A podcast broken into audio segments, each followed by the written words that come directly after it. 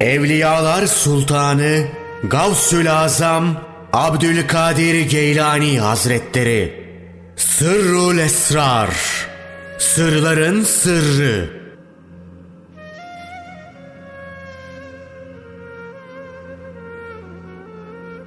İkinci Fasıl.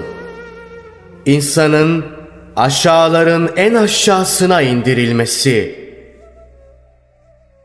Allah Teala ruhu kutsiyi lahut aleminde en güzel bir biçimde yaratıp her şeyin belirleyicisi olan kudret sahibinin huzurunda gerçeğin tahtı üzerinde ayetinde belirtildiği gibi ünsiyet ve kurbiyetin artması için aşağıya indirmeyi irade edince onu ilk önce ceberut alemine indirdi.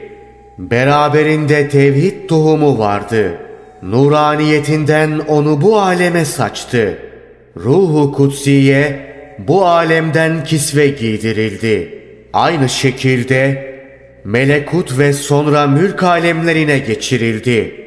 Onun için bu alemden bir soy kisvesi yaratıldı ki bununla mülk aleminde yanmaktan kurtulsun. Tür kisvesiyle şu kesif ceset kastedilmektedir. Ceberuti kisveye itibarla ruhu sultani, melekutiye itibarla ruhu seyrani, ravani ve mülkiye itibarla da ruhu cismani adını alır. Aşağıya gelişinden maksat, daha fazla kurbetle, kalp ve kalıp vasıtasıyla daha çok derece kazanmasını sağlamaktır. Tevhid tohumunu kalp arazisine eker.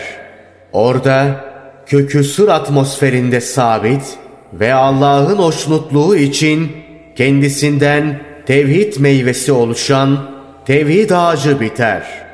Kalıp arazisine de orada şeriat ağacının bitmesi ve ondan derece meyvesi oluşması için şeriat tohumunu eker. Allah Teala bütün ruhların cesede girmesini emretmiş ve onların her biri için cesetten bir yer ayırmıştır. Ruhu cismaninin cesetteki yeri etle kanın arasıdır. Ruhu ravaninin yeri kalptir.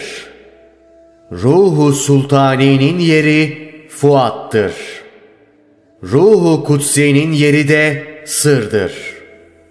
Bu ruhların her birinin vücut beldesinde bir dükkanı vardır. O dükkanın malları, kazancı ve batma ihtimali olmayan bir ticareti vardır. O halde her insanın vücuduna nasıl muamele edeceğini bilmesi gerekir. Çünkü bu dünyada elde ettiği, topladığı şeyler öbür dünyada boynuna asılacaktır. Nitekim şu iki ayette Allah Teala bunu haber vermektedir.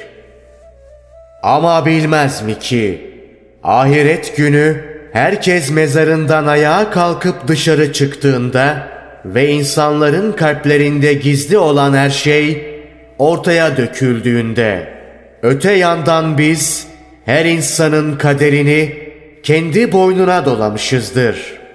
Öyle ki kıyamet günü önüne her şeyi açık açık kaydedilmiş bulacağı bir sicil çıkaracağız.''